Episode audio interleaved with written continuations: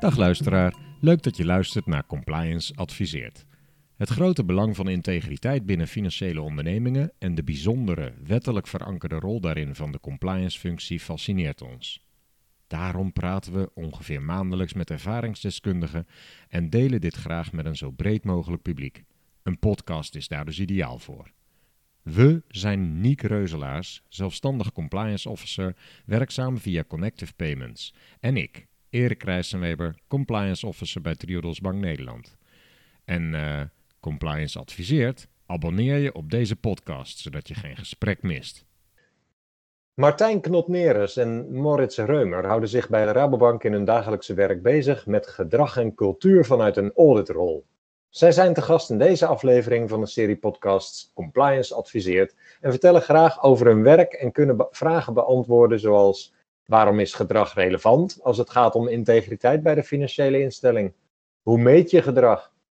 Wat is het advies om gedrag in de juiste richting te beïnvloeden? Welkom heren in deze podcast. Dankjewel Erik voor deze uitnodiging. Kijk naar uit.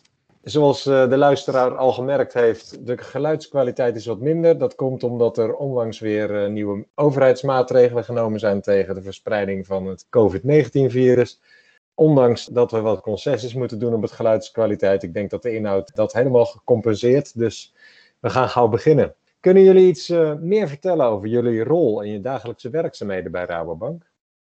Ja, uiteraard. En zoals je gezegd hebt, wij zitten bij Audit in het uh, expertise team voor gedrag en cultuur. En dat houdt in dat wij uh, voor dat onderwerp voor onze collega's aanspreekpunt zijn bij het inzetten van uh, instrumenten om gedrag en cultuur mee te nemen in audits.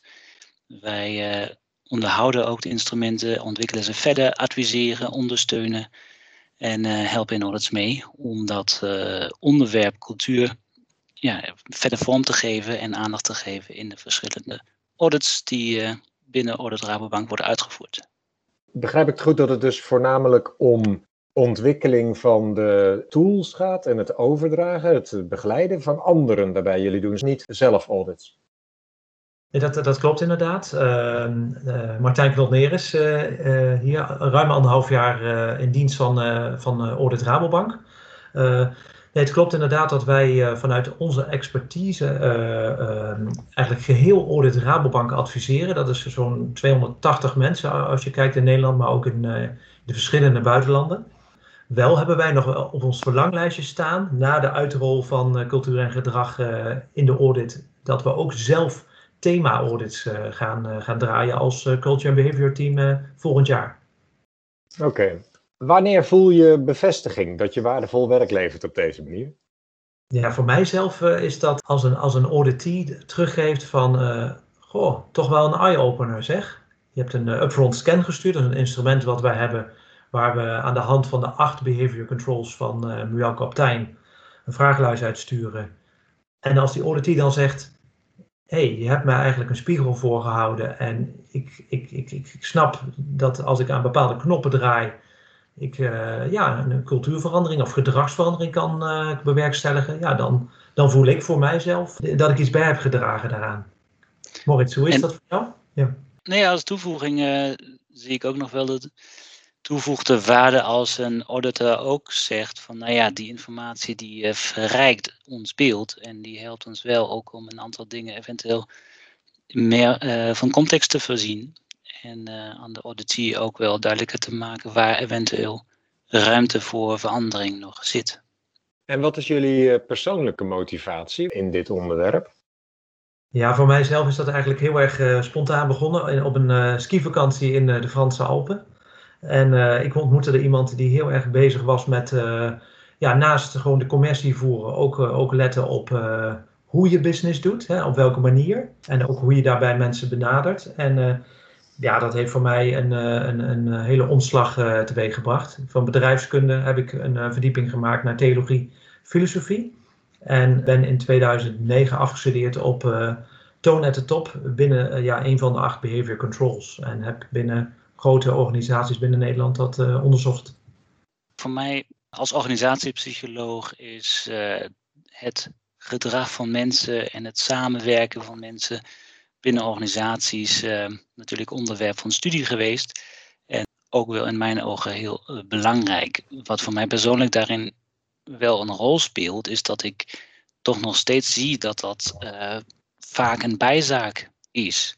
Maar ik denk van nou, volgens mij, juist in organisaties die dus met mensen werken, waar mensen samenwerken, is dat eigenlijk wel hoofdzaak. En mag dat echt wel duidelijke aandacht krijgen. En dat is ook mijn persoonlijke ambitie om daaraan verder te werken. Dat dit uh, naast, nou zeker in financiële instellingen met cijfers en uh, prestaties in financiële zin, ook de aandacht voor de mensen en de samenwerking tussen de mensen wel echt uh, aan de orde mag komen. En hoe overtuig je mensen die denken dat gedrag minder relevant is? Ik denk dat ik dat zelf niet zozeer hoef. Want uh, heel veel mensen die ik spreek, die zijn inmiddels ook wel achter. Um, het is wel. Want ja, als je, als je terugkijkt, zeker in de financiële sector, dan zijn ook genoeg uh, studies en evaluatie en uh, commissies geweest die cultuur, die gedrag, die samenwerking en mindset als mogelijke factoren voor ja, misstanden ook hebben aangetoond. Of ja, een misstand is ook eigenlijk per definitie gedrag, eigenlijk, toch? Dus... Um, ja, andersom zou ik niet zeggen, hè, maar die kant zie ik zeker wel. Nee, dat wilde um, ik ook nog niet zeggen. Ja. Dus ja, ja in, die, in, die, zin is het wel natuurlijk, ja, uiteindelijk is het een gedrag wat ergens over een lijn gaat. Ja. Ik wil nog wel even heel kort ingaan, uh, Erik, als dat goed is. Hoe, hoe, is dat nou eigenlijk bij Rabobank zo uh, ja, gestart? Hè? We hebben aan, natuurlijk, aan de ene kant hebben we de, de toezichthouder. Hè? De, de Nederlandse toezichthouder is natuurlijk al heel lang actief op het gebied van cultuur en gedrag. Vooral als je dat vergelijkt naar andere toezichthouders van uh, andere landen. Maar bij Rabobank was Libor wel duidelijk een, een trigger voor uh, meer. Ik weet niet of jullie de Libor-affaire nog wel kennen, maar. Uh, Die mag ik bekend veronderstellen bij onze luisteraars. Ja, ja, ja. dus daar, daar, dat heeft wel echt betekend dat binnen Rabobank daar wel. Dat is echt een trigger geweest om, om, om dat op te pakken. Uh, om, om echt ook, ook cultuur en gedrag mee te gaan nemen. Ook in, in audits, maar ook binnen compliance. Hè, dus ook binnen de tweede, tweede lijn. Daar werd toen ook al direct een link gelegd met cultuur in de organisatie. Ja, ja als je kijkt, uh, maar dat kan Moritz dan beter uh, natuurlijk uh, zeggen, omdat hij voorheen bij DNB heeft gezeten. Maar wat, wat, wat ik zelf daarvan weet, is dat de toezichthouder uh, ja, kritisch is geweest hè, en, en heeft gekeken van goh, waar, waar, waar, zit, waar zit het nou eigenlijk? Nou, toen, toen, is, toen is het wel duidelijk geworden dat cultuur en gedrag daar een, een grote aanleiding uh, voor is geweest. En daardoor is een heel, ja, eigenlijk een, de, focus vanuit, vanuit Audit Rabobank, maar ook vanuit de andere lijnen binnen Rabobank, is daar op cultuur en gedrag ingezet. Ja, ik denk dat we daar straks nog verder op in kunnen gaan. Maar voordat we daarop verder gaan, zou ik graag nog willen vragen: waar, waar, moet je eigenlijk vooral goed in zijn om op het vlak van gedrag en cultuur een auditor of adviseur te zijn? En is er dan nog verschil tussen wat een eerste lijnsmedewerker en een tweede lijnsmedewerker op dit vlak uh, moet kunnen? Kennis of vaardigheden?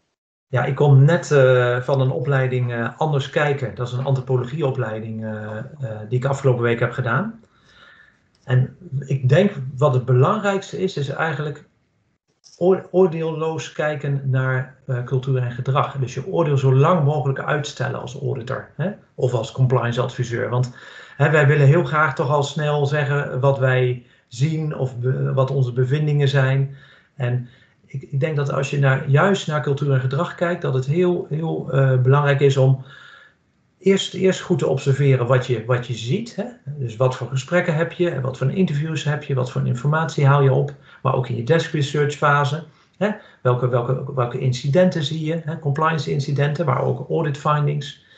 En als je dat totale beeld hebt, hè? dus triangulatie, zo noem ik het altijd, uh, hè? dus zowel je desk research, je eigen veldwerk, als ook een workshop die je hebt gedaan. Dat is wat je verstaat onder triangulatie? Ja, ja. Ja, oké, okay, ja. Inderdaad, heel goed uh, Erik.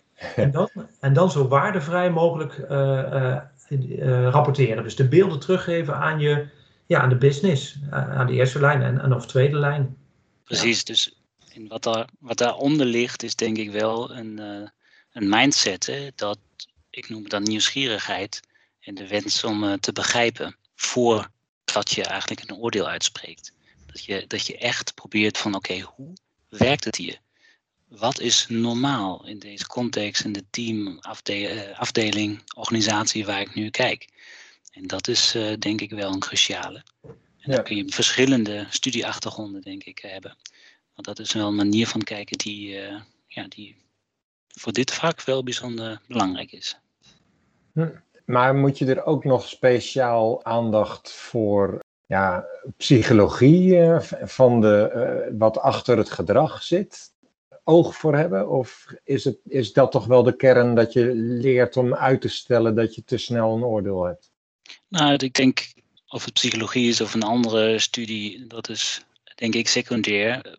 Primair is belangrijk dat je ook een uh, manier van gespreksvoering kunt hanteren om uh, wat open vragen te stellen en uh, die nieuwsgierigheid die ik net noemde echt proberen aan, aan de oppervlakte te laten komen. Die nieuwsgierigheid draagt ook bij aan het stellen van de juiste vragen. Ja, hè, dus ja. ik denk niet dat het handig is om met een checklist binnen te komen en te vragen, is dat aanwezig en werkt dat en en en en. Maar meer van, hoe is het hier? En ja. vertel eens de wie, wat, waar, uh, waarom vragen. Ja.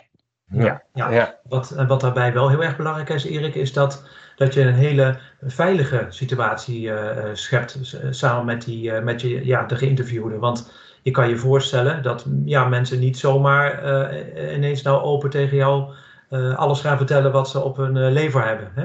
Mm -hmm. Dus uh, die, die veilige sfeer uh, creëren en, en dat natuurlijk ook echt handhaven. Hè? Dus het gaat ook niet om, om de input alleen van die enige interviewde. Hè? Het gaat om het totaalbeeld, hè, wat ik al zei, de triangulatie.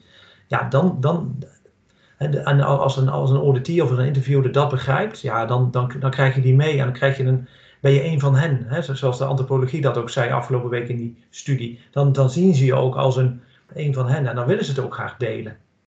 Nou hebben we het er al een poosje over in deze podcast. Maar wat versta je nou eigenlijk precies onder gedrag en cultuur? Nou, dat uh, zien wij als uh, de gedeelde assumpties, overtuigingen en gedragspatronen van een bepaalde groep.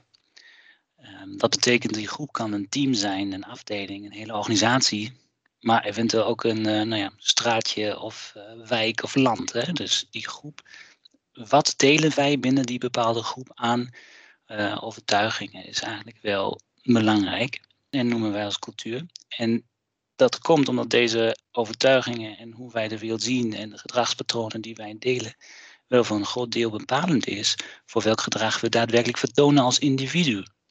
dus uh, het maakt uit in welke context ik mij, beweeg, hoe ik mij uh, eventueel gedraag. Even dat voorbeeld van de verschillende landen. Ja, het maakt toch wel uit of je ergens in het oosten bent hoe je elkaar begroet. Of dat je hier in eh, Europa, nou ja, zonder corona dan, elkaar de hand geeft. Hè. Dus dat, dat is wel, uh, je past je daarop aan. Je weet ongeveer wat uh, geoorloofd is, wat van jou verwacht wordt in die bepaalde context. En op die basis, zeg maar, kies je je eigen gedrag. Maar Moritz, uh, hoe weet jij wat mijn overtuiging is?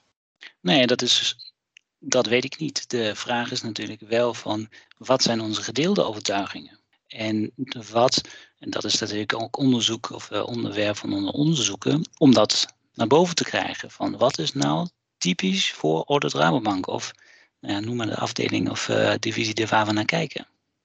Ja, de, daar is het echt op gericht om dat boven water te krijgen. Ja. ja. En je zult verbaasd zijn dat mensen best wel hun uh, assumpties of overtuigingen impliciet dan wel expliciet ook echt wel articuleren in interviews. Dat, dat mensen zijn uh, onder de juiste omstandigheden wel bereid om daar uh, openhartig over te zijn richting jullie. Ja, ja. Oké. Okay. Vindt dit ergens zijn oorsprong in wet en regelgeving? Is er een speciale wet waarmee, waarnaar de toezichthouder kan verwijzen, want daarom moet je, daar, uh, moet je daar iets mee met gedrag en cultuur? Ja, ja. er zijn wel vaak open normen. Interne en beheerste bedrijfsvoering is er eentje. Um, ja, uit de, de Ja, de verschillende toezichthouders hebben daar dan uh, eigen uh, ja, regelgeving uh, ook aangekoppeld of eigen verwachtingen aangekoppeld van hoe dat dan in te vullen is. Um, ja, ik heb 6,5 jaar gewerkt bij de DNB en daar hebben we die vraag natuurlijk vaker gekregen van onder toezichtstaande. Want dat is wel verankerd en je ziet steeds meer dat het expliciet genoemd wordt. Hè, in de Corporate Governance Code in Nederland bijvoorbeeld. De, de EBA guidelines voor, voor banken die ook explicieter zijn over de risicocultuur dan wat daarin verwacht wordt. Dus dat is wel verankerd in de, in de wet. Ja. Met name dan de wet financieel toezicht, integere en beheerste bedrijfsvoering. Nou, ik ben geen maar, jurist, dus er zijn ook nog uh, vast wel, uh, ja, pensioenwet uh, heeft er ook wel wat artikelen over. Gedrag is, zoals ik probeerde uit te leggen, en onder de invloed van cultuur ontstaat gedrag. En ik denk gedrag, zeker natuurlijk in de, um, in de rechtspraak, is wel van heb je je binnen de wet gedragen? Dat is natuurlijk constant de vraag.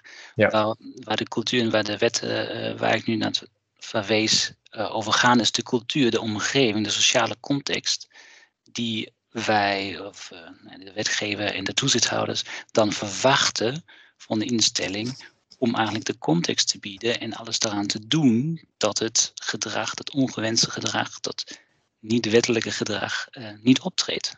Het beïnvloeden van die cultuur in de organisatie, dat zien jullie ook echt als verantwoordelijkheid voor het management van de organisatie. Ja. ja, daar ben ik het ook zeker uh, mee eens. Ja. Helder.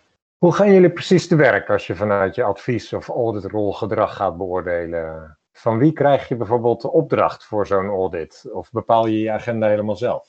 Nou, zoals ik uh, eigenlijk ook, ook, al schetste, draaien wij op dit moment zelf als Culture and Behavior Expertise Team uh, geen audits. Hè, maar uh, zijn er audits conform een auditjaarplan die op zijn gesteld. Je kan je natuurlijk wel bedenken dat bepaalde onderwerpen hè, zich veel beter lenen om cultuur en gedrag mee te nemen. Hè, bijvoorbeeld als je denkt aan governance processen. Uh, maar ook als er een recent verandering was in een bepaalde afdeling, een, reorganisatie of andere, uh, of andere ja, veranderingen. Nou, dat, dat, dat zijn vaak, eigenlijk is het zo dat, dat je gaat kijken in je auditjaarplan van, goh, Waar, waar zie je audits waar, waar cultuur en gedrag een grotere zeg maar, toegevoegde waarde heeft om het mee te nemen in de audit? Nou, die worden eigenlijk geoormerkt, zo moet je het zien, hè, door, de, door al die verschillende auditpools. En daar wordt een, uh, een beslissing opgenomen om cultuur meer of minder mee te nemen. Komt... Mhm, ja, vertel verder, sorry. Ja, nee, sorry. ik wilde alleen nog zeggen van, en daar, daar uh, worden wij dan als expertise team op ingeschakeld. En hoeveel audits begeleiden jullie er? Ja, dat, dat, dat vind ik een vrij lastige vraag om uh, te beantwoorden. Uh, want eigenlijk, hè, dus even om te schetsen waar wij, uh, hoe we op dit moment cultuur en gedrag meenemen in de audit. Sinds 1 november vorig jaar hebben we uh, besloten om conform ons ja, Rabobank Audit Manual voor elke assurance opdracht, audit opdracht, om daar een, een geïntegreerde manier cultuur en gedrag mee te nemen. Dus als je zo kijkt, ja, dan wordt cultuur en gedrag uh, voor een heel groot aantal. Ja, ik geloof dat assurance opdrachten bij, opdrachten bij ons ongeveer 75 tot 80 procent uitmaken. Dan, ja, dan zijn dat behoorlijk wat audits op jaarbasis. Maar het is doorgaans gebruikelijk, dacht ik, dat de Raad van Commissarissen dat soort assurance-opdrachten aan auditafdelingen verstrekt. Klopt dat of, of werkt dat bij jullie anders? Ja, ik, ik, denk dat het misschien ook zo werkt, maar in ieder geval, je maakt je auditjaarplan natuurlijk gebaseerd op, op, uh, op risico's, hè, op toprisico's die je ziet binnen de organisatie. Ja. En dan wordt natuurlijk daarin ook de, de, de Raad van Commissarissen wordt meegenomen van, goh, dit is wat we hebben gezien. Uh, zien jullie dit ook? Uh, en zien jullie, oh, hebben jullie ook nog additionele verzoeken? Hè? Want die zijn er zeker ook nog hè, vanuit de Raad van Commissarissen. En, ja. die, en die komt ook uh, spelen. Oké, assurance opdracht, wat, wat moet ik daar precies onder verstaan? Ja, de assurance opdracht, die, dat zijn eigenlijk opdrachten waar jij ook echt een, een mate van, een bepaalde mate van zekerheid ver, verleent. Hè? dus dat jij zegt, goh, ik, ik, ik heb bepaalde dossiers, ik trek bijvoorbeeld een aantal dossiers. Nou, ik kan nu echt een uitspraak doen over, over, het, uh, over het proces. En, uh, en als jij zegt, ik ga een adviesopdracht okay. doen, bijvoorbeeld een andere smaak, ja, dan kijk je met de business meer mee van, goh, je bent net een nieuwe business line gestart. Hè, ik, ik, kijk met jou mee, wat is, wat is daar goed in? Maar bij ja, de opdracht, okay. die is wat, wat noem ik, ja, die wordt wat strakker aangezet. En, en hoe bereid je dan uh, zo'n functionaris die de audit gaat uitvoeren voor op de uitvoering van zijn audit? Wat we hebben gedaan is, uh, we hebben een heel aantal uh, regio's waarin Rabobank actief is. Hè. Dan hebben we het, hebben het over de buitenlanden. Noord, Zuid-Amerika, Azië, Australië en Europa. En daarnaast hebben we natuurlijk ook onze, onze Utrecht-activiteiten en ook de lokale banken van, van Rabobank. Elke, elke audit-afdeling, elke pool hè, of, en elke regio heeft een eigen cultuur. Wij noemen dat een, een cultuur uh, ambassadeur, ofwel een, uh, een, een, DPO, hè, vanuit de agile terminologie, een DPO Culture and Behavior. Een DPO ken ik van Data Protection Officer, maar je bedoelt denk ik iets anders. Ik denk dat ik bedoel Dedicated uh, Product Owner vanuit de ah. agile terminologie. Juist. Maar het gaat in ieder geval om dat we hebben 20 mensen in die Audit Rabobank organisatie. En dat zijn onze eerste aanspreekpersonen binnen die bepaalde audit pool of regio. Wat voor informatie verstrekken jullie dan precies aan dat soort centrale figuren? Wat wij doen is, uh, we, organiseren een, een, uh, één keer per zes weken een, een, een, uh, een kennisoverdrachtmeeting met, met, met al die twintig personen. Om hen de nieuwste ontwikkelingen op het gebied van cultuur en gedrag bij te brengen. vooral ze ook informatie met elkaar uit te laten wisselen. Hè? Bijvoorbeeld een kleine mini-demo noem ik het. Hè? Van, ik heb nu bijvoorbeeld binnen mijn compliance uh, audit pool heb ik een, heb ik een audit uitgevoerd op, uh, op CDD. Hè? En wat is daar nou uitgekomen? Hè? Wat kan ik met jullie delen, met de andere cultuurambassadeurs? Hoe, hoe verliep de werkwijze? Wat kan ik eigenlijk aanraden om, om niet meer te doen? Of juist anders te doen? Of... Maar nou kan ik me bijvoorbeeld bij CDD-onderzoek voorstellen dat je kijkt, zijn de UBO's goed geïdentificeerd? Zijn de geografische risico's goed in kaart gebracht? Het zijn allemaal niet per se direct dingen die met gedrag of cultuur te maken hebben. Hoe zorg je nou dat die auditors daar ook speciaal aandacht aan besteden? Ja, om het uh, concreter te maken, er zit een um, toolbox met verschillende instrumenten die uh, dus onderdeel uitmaken van de Rabo Audit Manual. In de zin van uh, een scan, in de zin van bepaalde ja, desk research documenten die wij aanbevelen om in te zien. Ehm, in de zin van interviews en interviewvragen. Workshops waarin wij meerdere mensen tegelijk spreken. Dus dat zijn allemaal instrumenten die ja, voor de auditors klaar liggen om toe te passen. Um, in de laatste fase ook nog wel de root cause analyse van eventuele findings. Waarbij gekeken wordt van welke behavioral controls zijn hier mogelijk uh, debet aan of een, uh, ja, bieden een verklaring waarom dit een, ja, is ontstaan. Dus in die zin.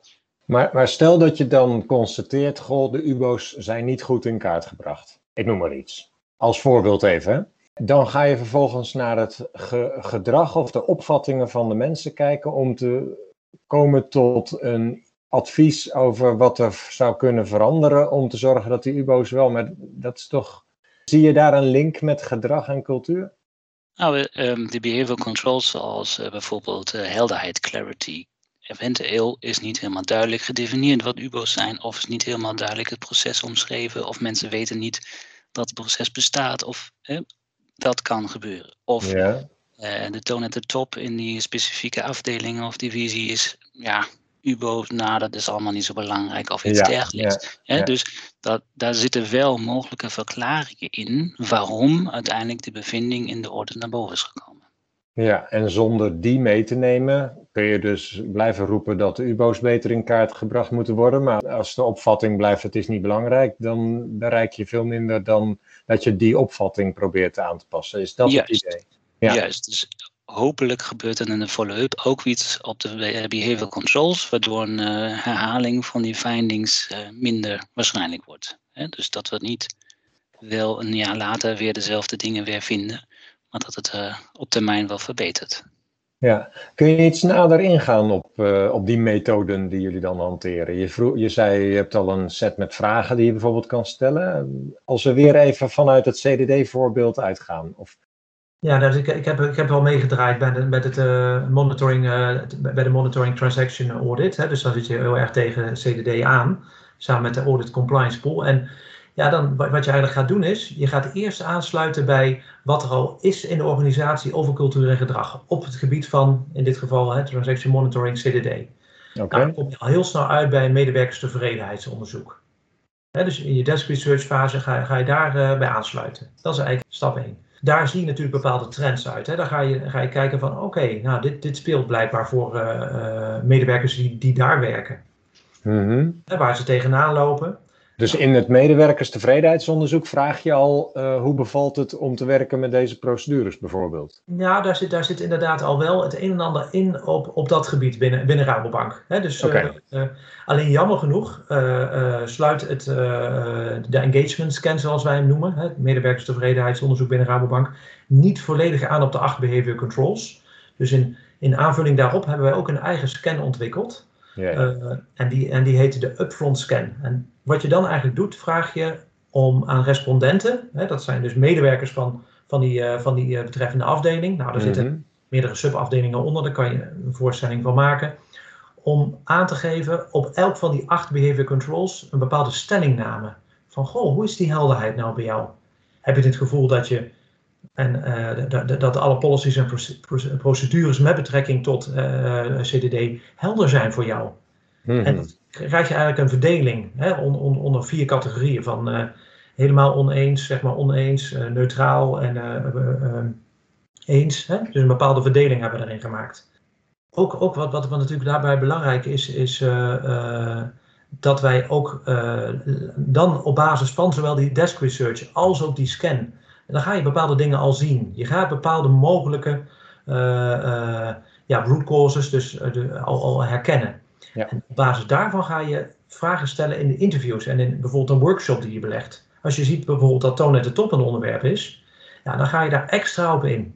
Of bijvoorbeeld de uitvoerbaarheid. Ja, bepaalde systemen helpen bijvoorbeeld de CTD-medewerker minder, omdat er met meerdere systemen tegelijk wordt geholpen. Dan, dan zie je dat ook terugkomen. En dat is de derde stap, hè, ja, het, het veldwerk. En uiteindelijk ga je, ga, je, ga je toe naar een stukje ja, echt root cause analyse. Dan heb je een bepaalde audit finding hè, of, een, of een compliance bevinding. Hè, want compliance binnen uh, uh, Rabobank werkt ook met de acht behavior controls. Vervolgens wordt er een root cause analyse toegepast, zoals Moritz net al omschreef. Dat is eigenlijk onze werkwijze, dus die vier stappen. We hebben net gezegd, cultuur is overtuigingen van mensen. En omdat dat in een groep dan een overtuiging is, dan heeft dat invloed op het gedrag van het individu.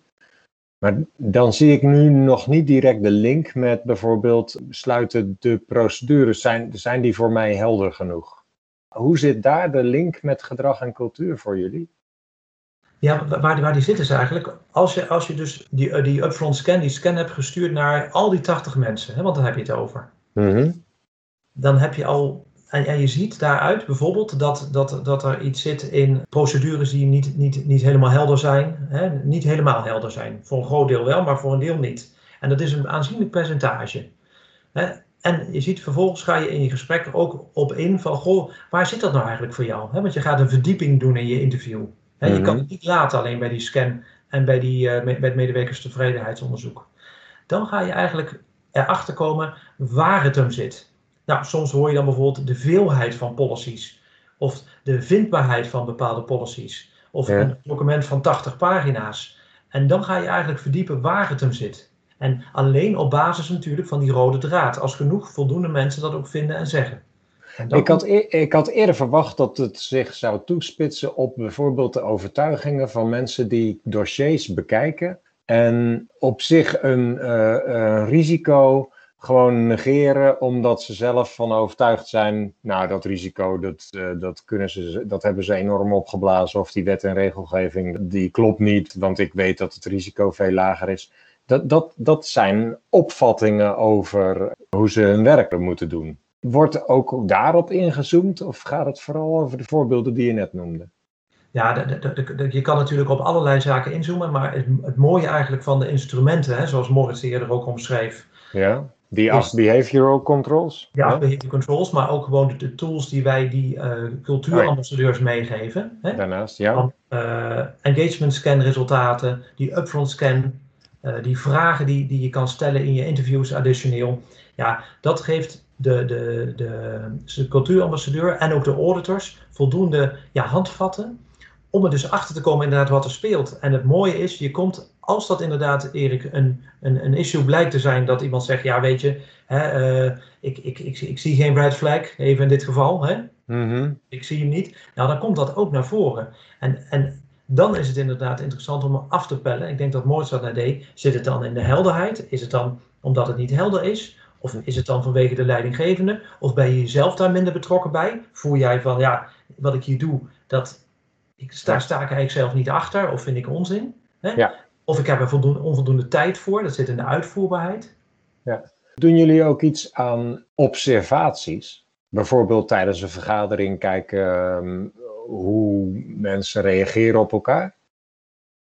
Deze is denk ik van Moritz. Ja, inderdaad. Nou ja, ik heb het nog niet meegemaakt, dus volgens mij niet. Nee. Dat wordt niet bij audits gedaan.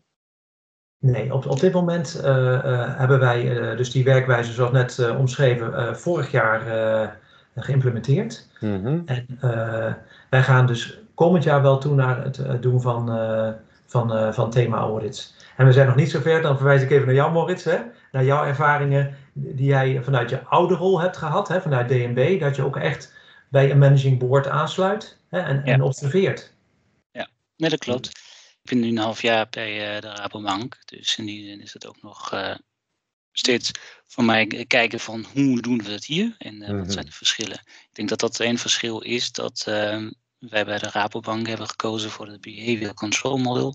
Wat specifiek is in de zin van hoe je kijkt naar eigenlijk je controleomgeving. En bij DNB hadden we een iets bredere perspectief in de zin van ja, de ijsberg uh, van waar komt het uh, gedrag vandaan, groepsdynamiek, leiderschap, mindset, communicatie, etc. En daarbij vonden wij het ook heel belangrijk om direct observaties te doen. Hè, zoals Martijn eerder zei, deel zijn van zeg maar, die groep waar je naar kijkt. Mhm. En dan echt letterlijk fysiek uh, in dezelfde ruimte aanwezig te zijn. Ja, dus dat gaan jullie misschien mogelijk ook in de toekomst wel toe gaan toepassen bij uh, Rabobank uh, en de auditors adviseren om dat te gaan doen. Ja, ik denk dat het uh, in, bij Rabobank expliciet ervoor gekozen is om het integraal eerst aan te pakken. Dat betekent Mhm. alle auditors zouden cultuur mee moeten nemen. En die instrumenten te ontwikkelen, die instrumenten te trainen en daarover te communiceren, zodat iedereen daarmee uit de voeten kan. Waarbij ik bij DNB eigenlijk eerder kom vanuit een expertisegroep die voor zichzelf die onderzoek heeft gedaan. In een kleine context, klein is begonnen en steeds groter uh, dat heeft opgebouwd. En uh, in de laatste fase, toen ik wegging, veel meer bezig was met van oké, hoe bereiken wij onze andere toezichthouders, collega's, om ook dit mee te nemen. Dus eigenlijk kom je van twee verschillende kanten. Waarbij ik uh, ja, bij Rabobank hoop dat we inderdaad straks die specialisatie nog verder in kunnen zetten door die eigen onderzoeken vorm te geven. Jullie hebben genoemd die 8 Behavioral Controls Model. Dat is dat model van wat jullie ook eerder noemden, Muel Kaptein? Ja. Ja, en um, het NCI, Nederlands Compliance Instituut, verwijst ook vaak nog graag naar het cultuurhuis van DNB.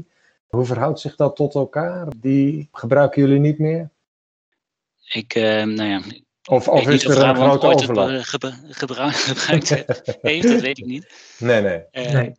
Kijk, um, het, is, het is wel heel belangrijk dat je een model kiest, om eerlijk te zeggen. Want het geeft je uh, toch wel handvatten en termen van hoe je cultuur beschrijft of welke aspecten je daarin beschrijft. Welk model is denk ik wel, ja, natuurlijk een beetje afhankelijk van met welke studie of uh, welke hoogleraar je misschien hebt gehad.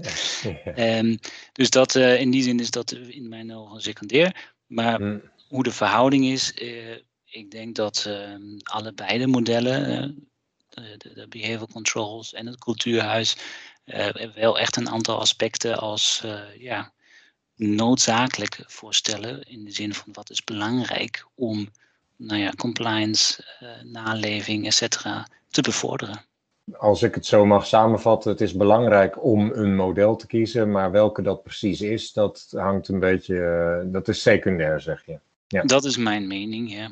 Oké. Okay. Ja. En ik weet um, Martijn er anders over denkt. Ja, ik, ik, ik, ik, kan alleen maar zeggen dat ik, uh, dat ik van het IIA, hè, dus ik neem aan dat jullie die als compliance natuurlijk ook wel kennen, hè, het Instituut mm -hmm. Internal Auditors, die Mhm. heeft in Nederland onderzoek gedaan, maar ook in het buitenland, welke modellen gebruikt worden. Nou, dan zo'n 60 tot 70 procent maakt gebruik van eh, het model van Muel Kaptein of een afgeleide daarvan. Dus het cultuurhuis is een afgeleide van het model van Muel Kaptein. Als er dan zo'n audit uitgevoerd is, dan kun je in het rapport wat de auditor opstelt dan teruglezen ook. Zo typeer ik de cultuur van deze afdeling of van het onderzochte, geaudite clubje mensen of zo. Hoe, hoe, ziet dat eruit in zo'n rapport? Nou, dat is, um, die behavior controls zijn daarin ook weer uh, leidend. Uh, dat we per uh, control, eventueel sommige controls die dan in een eerdere fase eventueel zijn afgevallen, omdat die dat dan niet voldoende noodzaak bleek om verder uit te diepen. Mm -hmm. Maar in mhm. principe zijn de behavior controls wel de kopjes die we gebruiken. En per kopje, per behavior control wordt dan aangegeven wat dan ja, enablers en disablers of risks dat je daar een uh, evenwichtig uh, beeld probeert te schetsen van wat zijn we daarin tegengekomen. Wat er vast zit aan het model is wel dat je ziet, uh, dat, dat, dat heet dan red flags. Ik weet dat jullie binnen compliance anders uh, spreken over red flags, maar dat je bepaald gedrag ziet, zowel aan een linkerkant als aan de rechterkant van een behavior control. En als je, er worden heel veel voorbeelden gegeven. En als je dat gedrag ziet, ja, dan is dat een red flag. Ja. En nou, een red flag, zowel aan een, hè, met te weinig of te veel, uh, ja, dan, dan, dan kan dat dus een, een, een disabler zijn. Maar het mooie van een enabler is, om nog heel even daarop in te gaan, mm -hmm. is dat wij ook positief rapporteren. Dus uh, misschien uh, oh, ja. dat ja. als compliance, maar van oudsher is, is audit echt een functie die natuurlijk rapporteert over zaken die niet goed gaan, die niet goed lopen. Mm. En ja, dat is natuurlijk een hele mooie opening nu, als je het hebt over appreciative inquiry. Dat is ook zo'n term die, dus dat je eigenlijk heel mooi kan laten zien over zaken die, uh, bijvoorbeeld bepaalde behavior controls, die heel goed en mooi ontwikkeld zijn binnen een bepaalde afdeling of subafdeling. Ja. Ook belangrijk om dat dus vast te houden. Hè? Dat ehm, niet alleen maar gefocust wordt op wat niet goed is en daarbij nou ja, mis je eventueel ook nog je krachten ja. ga je die uh, ja, niet voldoende aandacht geven. Maar dat het ook wel echt duidelijk is van uh, impliciet of soms ook expliciet, blijf aandacht aan besteden aan je enablers. Ja. En die enablers, is dat ook specifiek meegekomen met het onderzoek naar gedrag en cultuur? Of eh, was dat ook bij andere vormen van audits al wel bekend? Ja, je ziet wel dat er een, een, een, een beweging in was gezet binnen, binnen Rabobank, als organisatie zelfs al, om meer een appreciative inquiry toe te passen. Dat houdt in dat je iets op een, op een ja, positieve, opbouwende manier opschrijft. Hè? Dus dat ja, ja. is al wel gaande. Maar je ziet wel dat eh, echt binnen het auditrapport, nu we echt meer nadruk leggen op cultuur en gedrag, we ook echt de auditors uitdagen om ook te komen met die positieve, de, de positieve zaken en die ook zeker mee te nemen en te omschrijven. Helder. Kunnen jullie daarvan nou, bijvoorbeeld twee voorbeelden noemen waar, van situaties waarbij uit een audit bleek dat het gedrag afweek of juist heel goed overeenkwam met wat je bij een financiële instelling zou willen zien?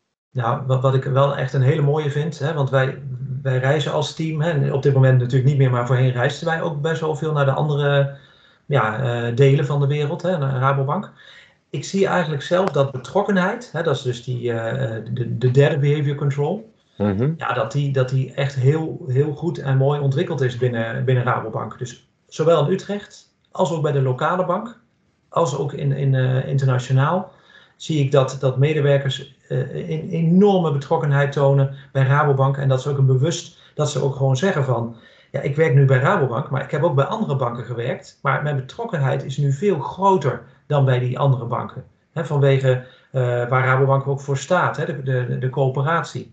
Dus dat vind ik echt een, een, een goed voorbeeld van een, uh, ja, van een, van een goed ontwikkelde behavior control.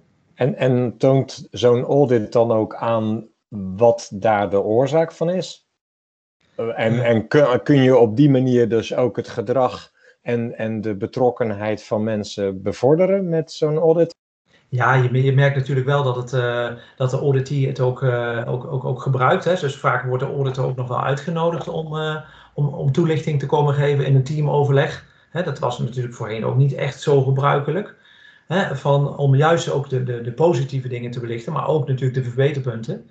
En die positieve dingen, zoals Moritz eigenlijk net al verwoordde, mooi verwoorden, ook proberen vast te houden. Want je kunt je voorstellen, met al die veranderingen die op mensen afkomen in, in, in organisaties op dit moment met corona, ja, die betrokkenheid staat gewoon onder druk. Hè? Iedereen werkt thuis, dus de sociale cohesie is, is minder. ja, dus dat, dat is wel echt een aandachtspunt. Ja, dat begrijp ik. Maar jullie weten ook waarom bij Rabobank de betrokkenheid hoger is dan bijvoorbeeld bij andere banken? Nou, ik, ik noemde natuurlijk net al wel een aantal redenen die, die, die, die, die uh, naar voren zijn gekomen. Uh, uh, dat is bijvoorbeeld, de, de Rabobank is een coöperatie. Hè? Dus daar wordt heel duidelijk gezegd van ja, de, de, de leden, hè, de, dat zijn, ja, dat, dat zijn, zeg maar, die zijn de baas. Hmm. Daarnaast is, is de, de Rabobank ook een hele ja, sociale bank. Hè? Dus uh, medewerkers worden ook echt gevraagd om ook binnen je eigen community, binnen je eigen uh, gemeente of, of, of, of, vereniging ook vrijwilligerswerk te doen. Dus het gaat ook echt wel verder dan, uh, ja, dan andere banken daarin, wordt aangegeven. Oké, ja. ja. Ik wil eigenlijk nog even, Erik, voordat we verder gaan, nog ja? wel even nog benadrukken over dat rapporteren. Dus die laatste fase, ja, dat is de moeilijkste fase van, van alles. Hoe ga je nu op een waardevrije manier proberen die, uh, die, die observaties, hè, die, die, die, uh, die gemene delers die je hebt gezien in je onderzoek, om die op papier te zetten? Ja, dat is echt een, een, een, een uitdaging. Elke keer weer als je een audit doet. Dan is natuurlijk ook de, de vraag, kunnen, kunnen we ook echt waardevrij zijn? Hè? Van, als je al enablers en disablers noemt, dat klinkt niet waardevrij.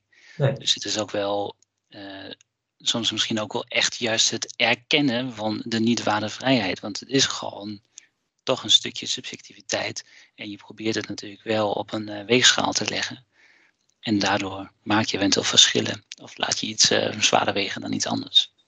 Ik heb nog een anekdote die ik je wil vertellen, Erik. Maar dat, is, uh, dat heb ik niet zozeer binnen, binnen Rabobank meegemaakt, maar wel bij een, bij een vorige werkgever van mij. Nou, dus op een gegeven moment uh, waren we overeengekomen dat, we bepaalde dat er bepaalde observaties waren. En uh, toen gaf een bepaalde managing director van, de, van, dat, van dat land aan dat hij toch wel heel erg graag met het auditteam in gesprek wilde over wat er nou eigenlijk stond. Ja, da da daarin zie je dat het, dat het heel erg spannend kan worden. Want ja, er werd weer verwezen op dat moment naar een bepaalde medewerkerstevredenheidsonderzoek, wat heel iets anders liet zien. Heb ik het over een land in Zuid-Amerika. En die zei, ja, alles, alles, is, alles was groen. Ja, was hij het niet eens met de bevindingen of begreep hij ze niet? Nou, in eerste instantie waren het zijn natuurlijk geen bevindingen, hè? observaties. Observaties. Die discussie hebben wij vaak binnen Rabobank trouwens ook. dus uh, om elkaar te houden. Maar uh, hij, hij, hij, voor hem was het, uh, was het apart dat het medewerkerstevredenheidsonderzoek blijkbaar heel hoog scoorde, groen scoorde. En dat er, dat er nu met een, met een andere methode, hè, dus door, door met, naar die behavior controls te kijken, hele andere uh, zaken naar voren kwamen. En ook zaken waarvoor compliance toch wel, uh, ook wel uh, snel daarna richting het land. Dat is wel duidelijk geworden voor die manager waar, waar dat verschil in zat. En dat accepteerde die op een gegeven moment.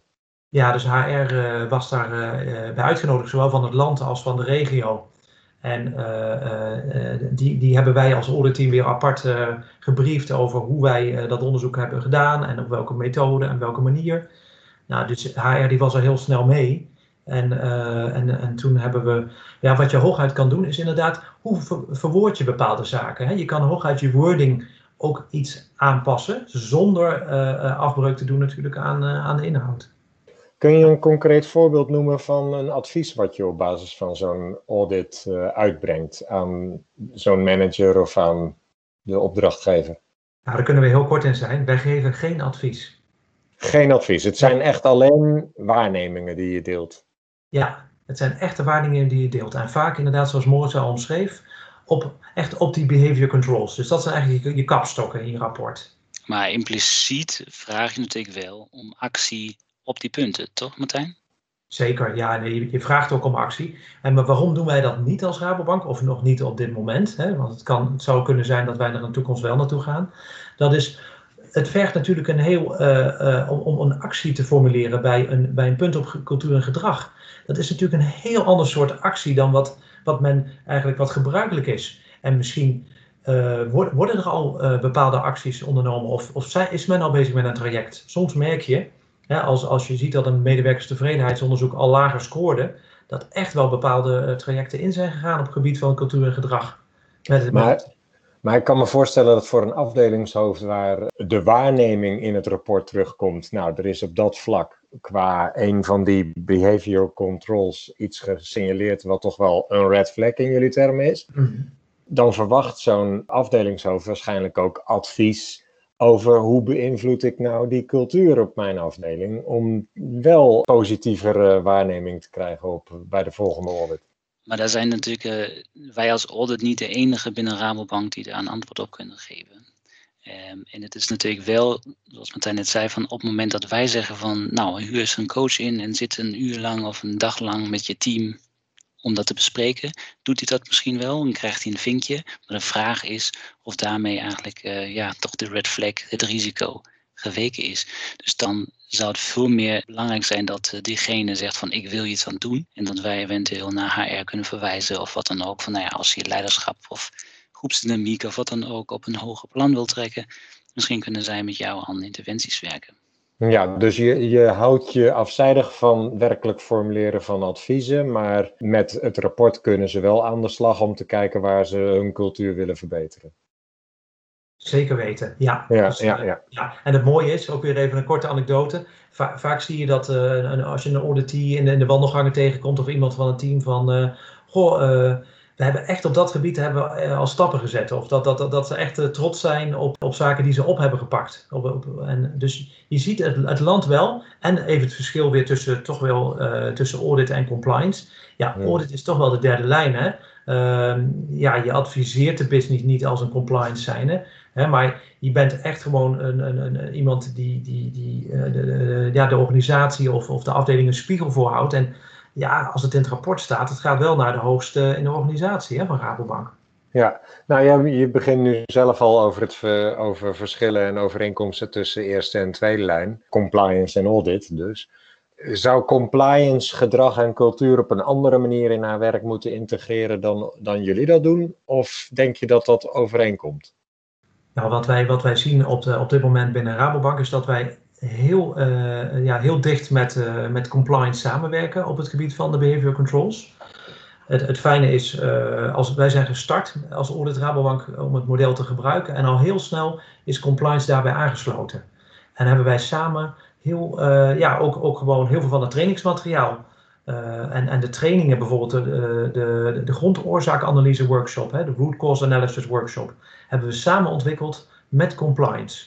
Uh, en ook het trainen hebben we voor een deel ook, ook gezamenlijk gedaan. En waar, dus, waar zit het verschil dan in nog? Het verschil zit denk ik wel in van als je het uh, kijkt naar design en opzet, werking, dat als wij signaliseren dat er iets niet is, dan houdt het voor ons op. Want dan zou het eventueel compliance of de eerste lijn kunnen oppakken om het ja, wel op te zetten.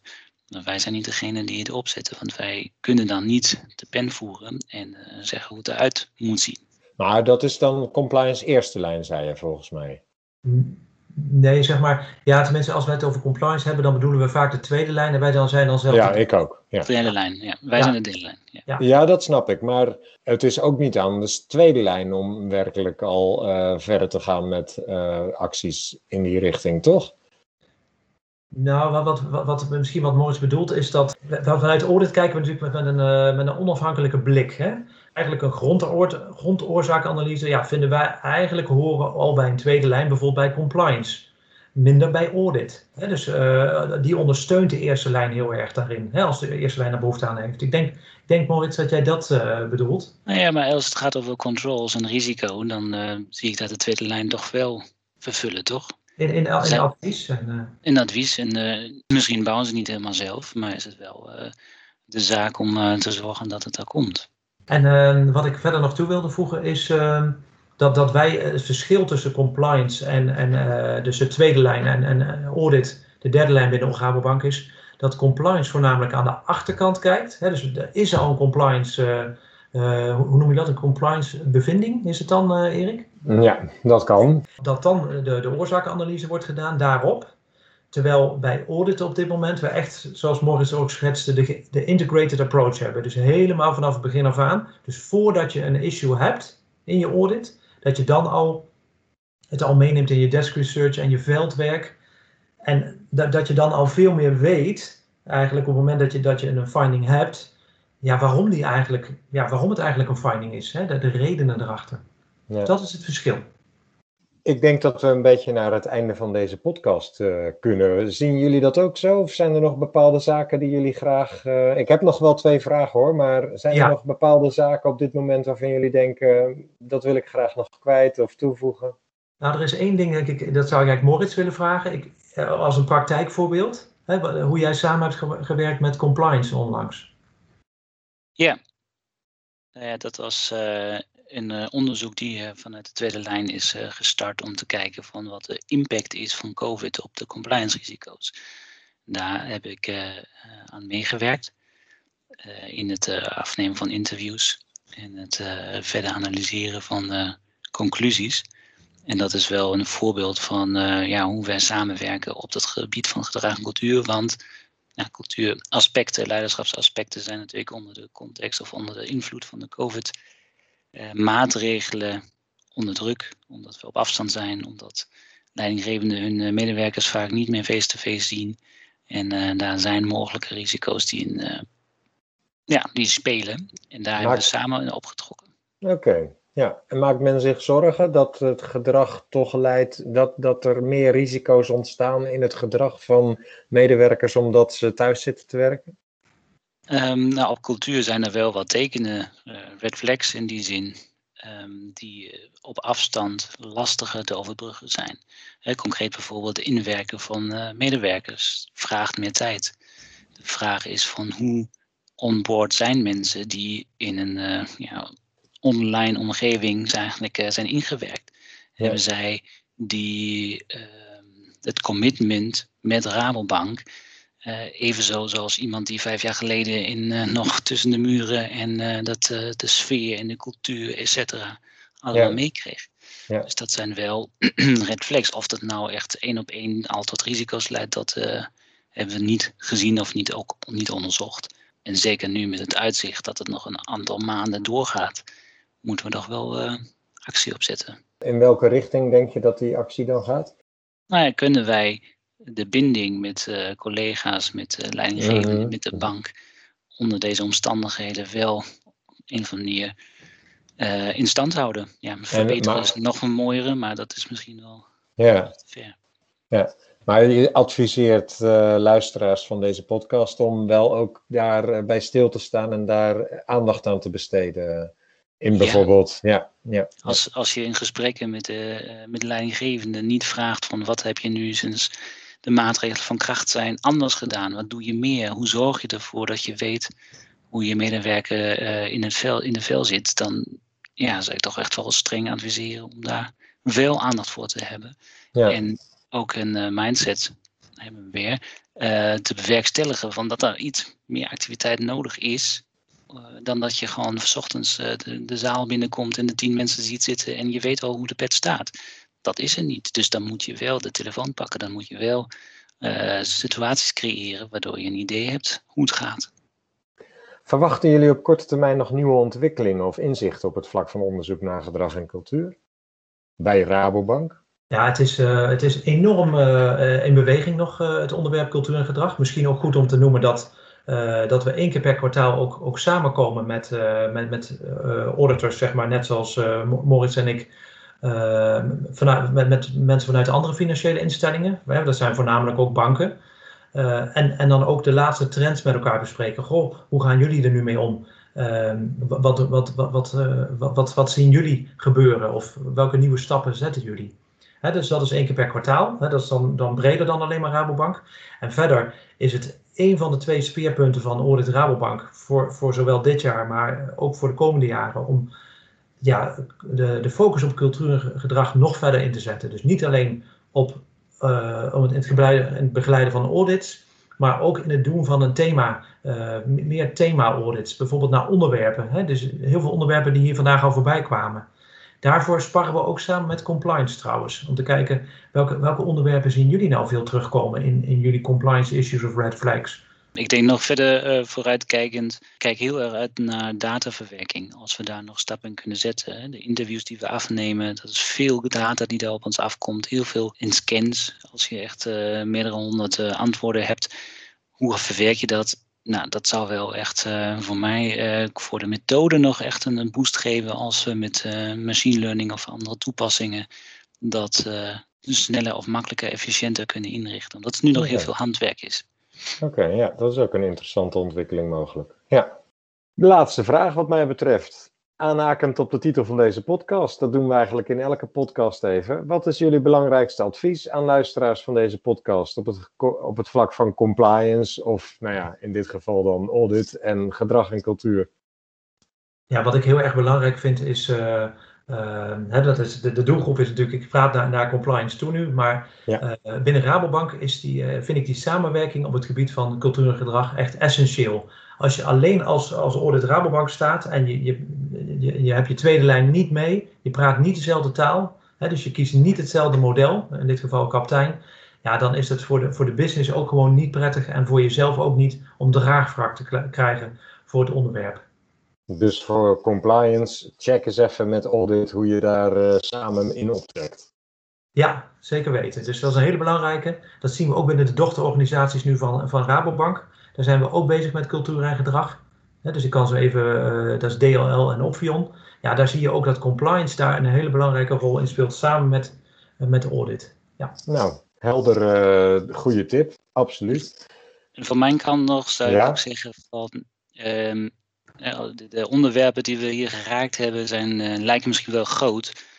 Um, probeer ook met kleine stappen te beginnen. Van, uh, probeer niet meteen de hele cultuur van uh, de hele bank of instelling waar je bent te beschrijven. Maar neem een onderwerp wat redelijk klein en specifiek is en probeer daarmee.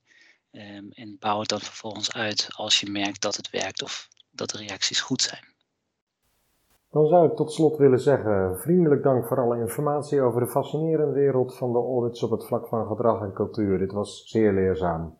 Ik wens jullie veel succes voor de toekomst en tegen de luisteraars zeg ik nog: abonneer je op de podcast in je favoriete podcast-app, volg de LinkedIn-pagina van Compliance Adviseert, zo mis je geen enkele podcast. Tot de volgende podcast.